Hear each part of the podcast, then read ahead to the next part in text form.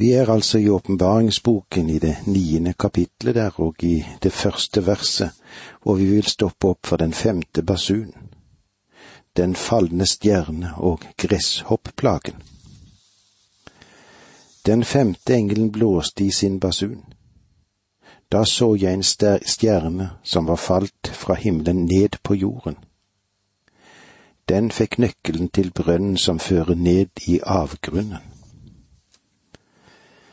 Her taler altså Herren om å stige ned til jordens hjerte, kurdia på gresk.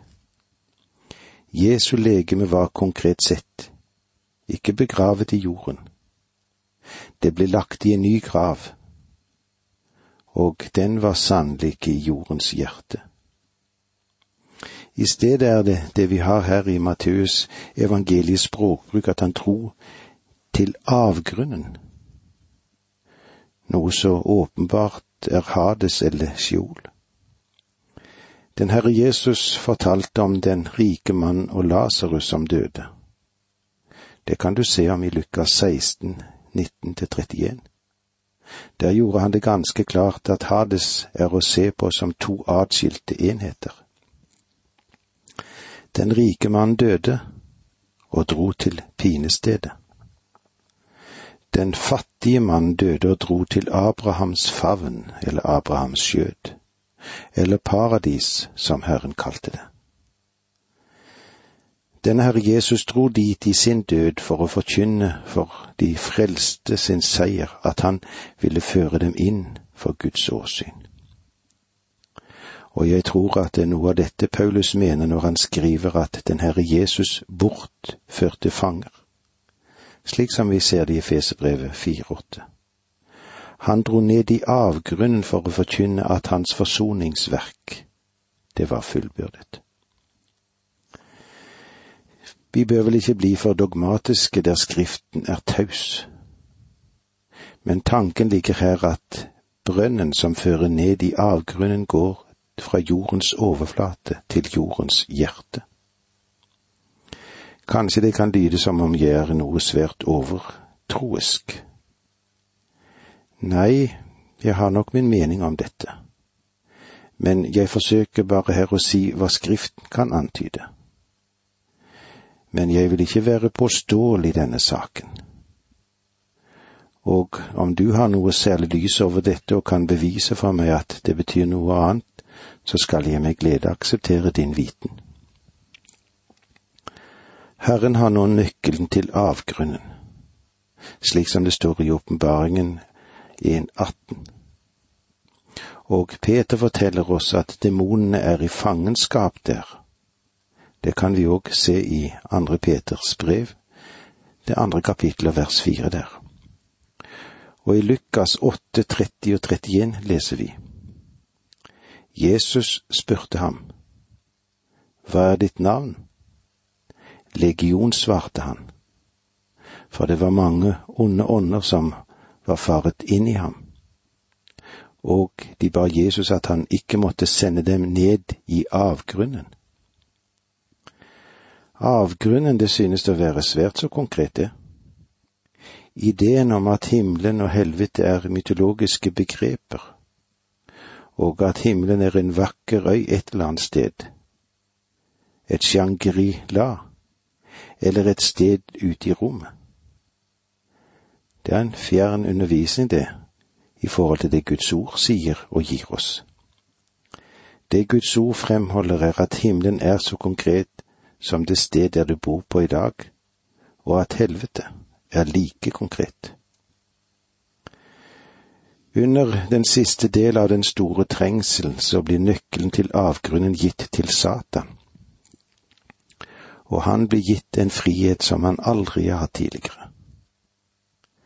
Jeg tror at det forklarer hvorfor mennesket ikke kan dø under denne perioden. Satan, han ønsker å holde liv i dem så lenge han kan. Han vil ikke at hans hær skal bli dissimert i det hele tatt. Vers to, kapittel ni. Og da den åpnet brønn, steg det opp røk som av en stor ovn, så solen og luften ble formørket. Fra denne brønnen som leder ned i avgrunnen, kom det et utbrudd, en erupsjon som kom som om det kom fra en vulkan. Og røken, den vil dekke hele jorden. Dette er røk av det mest giftige slaget. Og jeg tror at den konkrete tolkningen av dette verset er den korrekte og mest tilfredsstillende. Versene tre og fire. Ut av røken kom det gresshopper som spredte seg over jorden, og de fikk samme makt som jordens skorpioner. Det ble sagt dem at de ikke måtte skade gresset på jorden, eller noe annet grønt, og ikke noe tre, men bare de mennesker som ikke hadde Guds seil på pannen. For meg så krever dette en ytterligere beskrivelse. Johannes bruker et symbolspråk som beskriver skapninger som er så grusomme at dette er den eneste måten han kunne beskrive dem på. Det dreier seg om gresshopper, men de er av en uvanlig karakter. For de spiser ikke det matforråd som gresshoppene vanligvis gjør. Jordens gresshopper har ingen konge. Du kan se noe om dette i ordspråkene 3027. Men disse har. Ved plagene i Egypt forteller den som nedtegnet dette følgende. Aldri før hadde det vært en slik gresshoppesvarm, og aldri mer skal det komme. Ja, slik står det i Moseboken, i det, det andre Moseboken, kapittel 10, vers 14. Aldri før hadde det vært en slik gresshoppsvarm, og aldri mer skal det komme. Og likevel er dette skapninger som minner om dyret som beskrives som løven, hesten, skorpionen, mennesket. Dette er en gresshoppeplage som er å forstå like bokstavelig som gresshoppeplagen i Egypt. Joel profeterte om en kommende gresshoppeplage, det kan du se i Joel 1. Og igjen må jeg få lov til å si og understreke at en viss kunnskap om Det gamle testamentet, det er vesentlig for å forstå åpenbaringsboken.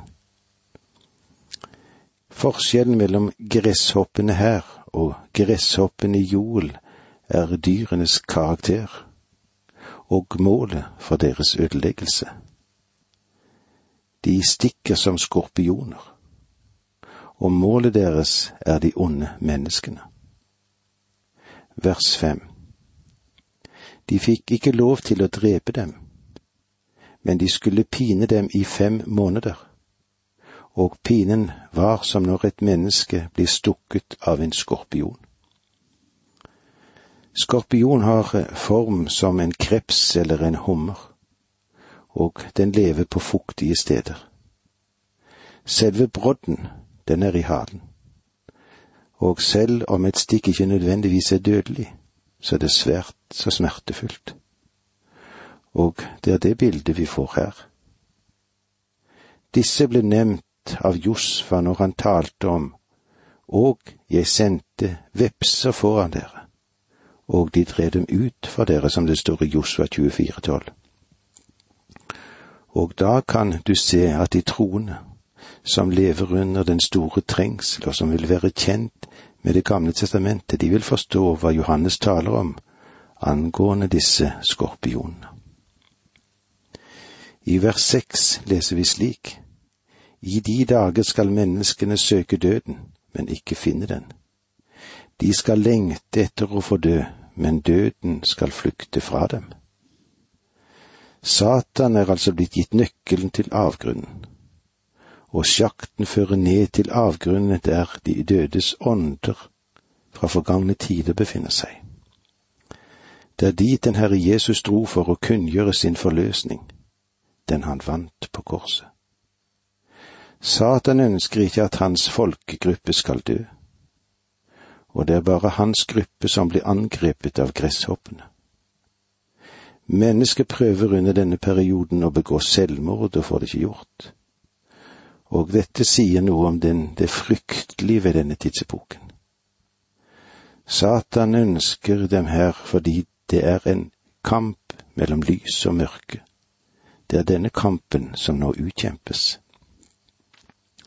Og det er andre som mener at kanskje det er Gud som ikke vil la disse menneskene dø fordi de er syndige mennesker, og så må de da møte konsekvensen av sitt opprør. Her er det ingen flukt. Det er ikke noe å kimse av dette. Det er ikke noe å kimse av å fornekte Jesus Kristus. Det er ingen enkel sak å bare avvise ham. Mennesker sier at det er så mange viktige ting i dette livet. Og jeg må vel ærlig innrømme at jeg erkjenner det er mange ting i livet som har både andre tredje og fjerdeplass. Men det viktigste av alt er likevel beslutningen angående Jesus Kristus. Og dette må vi tenke godt igjennom til vi møtes neste gang. Takk for nå, må Gud være med deg. Dette undervisningsprogrammet består av to deler. Åge Nevland fortsetter nå med andre del av dagens undervisning. Vi er i Johannes' åpenbaring, og vi er i det niende kapitlet der. Og eh, vi har stoppet litt opp for den femte basun, den faldende stjerne og gresshoppeplagen. Vi har sett hvordan det vil gå, og så leser vi videre der fra versene syv til ti i kapittel ni. Gresshoppene var like som hester rustet til krig. På hodet hadde de noe som lignet kranser av gull, og ansiktene var som menneskeansikter. Håret deres var som kvinners hår, tennene som løvetenner og deres bryst var som brystplater av jern. Lyden av vingene deres var som larmen av mange hester og vogner som raser fram til kamp. De hadde hale med brodd som skorpioner, og i halene deres lå makten til å plage menneskene i fem måneder. Du må vel være enig med meg i dette både en grusom og merkverdig og unaturlig beskrivelse. Men litt nærmere beskrivelse vil fortelle om en slående likhet ved gresshoppeart som finnes i Palestina, som jeg tror vi må legge merke til. Og en forfatter sier det på denne måten. Likheten mellom en gresshoppe og en hest, spesielt en hest utrustet med rustning, er så slående at insektet på tysk har fått navnet hupferd, høyhesten, og på italiensk cavletta, liten hest. Ansiktene på gresshoppene de minner om menneskeansikter, og følehårene, eller antennene på gresshoppene blir sammenlignet med hår. Joel han sammenlignet tennene på en gresshoppe med løvetenner. Det kan du se om i Joel 1,6. Mange har også kommentert denne merkelige lyden som disse krypene gir fra seg. Det er i slike sammenheng, eller i den teologiske historie, som de har forsøkt å sammenligne beskrivelsen av gresshoppene med fly. Det holder ikke lenger når vi har gått bort fra motordrevne fly og over til jetmotorer eller det som er enda nyere raketter. Jeg vil ikke sammenligne disse gresshoppene med noe som vi kjenner i dag, fordi dette er ikke et våpen som blir brukt i dag, men noe som kommer til å bli brukt under den store trengsel, hva det nå enn måtte være. Dagens våpen er så skremmende at til og med superstaten er villig til å forhandle for å redusere farene. Makten til å plage mennesken i fem måneder. Og dette vil bli fem måneder med en ubeskrivelig smerte for dem som er blitt angrepet av disse uvanlige krypene.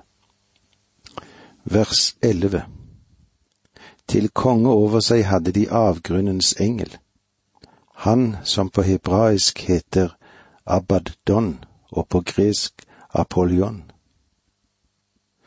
Disse gresshoppene skiller seg fra vanlige gresshopper ved at de har en konge, en som hersker over seg.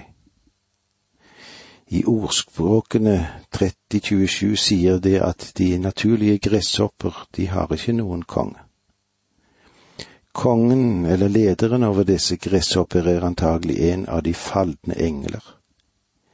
En av Satans høvdinger. Og han får anledning til å lede en invasjon på jorden for første gang.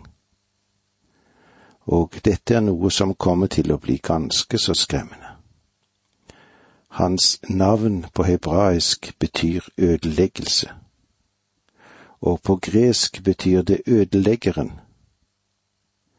Dette bekrefter det Daniel har fortalt oss, at de falne englers demonverden er oppdelt i avdelinger. Og jeg tror det er vel en godt organisert hær vi kommer til å møte i denne sammenheng.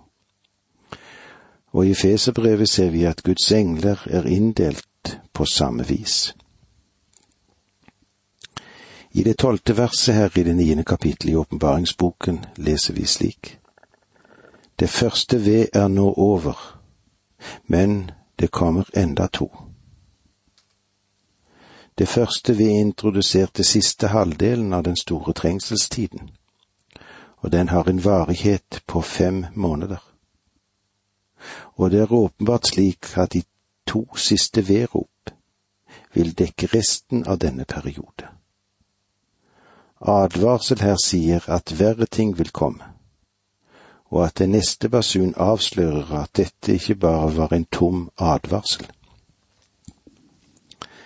Den sjette basun Engler løst ved elven Eufrat. Vi leser versene 13 og 14. Den sjette engelen blåste i sin basun. Da hørte jeg en røst fra de fire hornene på gullalteret for Guds åsyn. Røsten sa til den sjette engelen som hadde basunen, løs de fire engler som står bundet ved Eufrat, den store elven. Da den sjette engelen blåste i basunen, kom det en kommando fra hornene på gullalteret. Gullalteret taler om bønn. Det var det de talte om i tabernaklet her på jorden. Og det var her engelen ofret bønner ved innledning til avsnittet om basunene som vi så i åpenbaringen 8.3. Den sjette engelen blåser ikke bare i basunen, men den får også ordre om å løse de fire, den fjerde engelen som var bundet ved elven Eufrat. Engelen mottar ordrene fra en stemme som var der ved hornene ved gullalteret. Det er Kristi røst. Han har nå åpnet det syvende seil, som førte til basun, og som videre vil lede til de sju skikkelser og de sju fredeskåler. Det er tydelig at englene som ble løst, de er onde.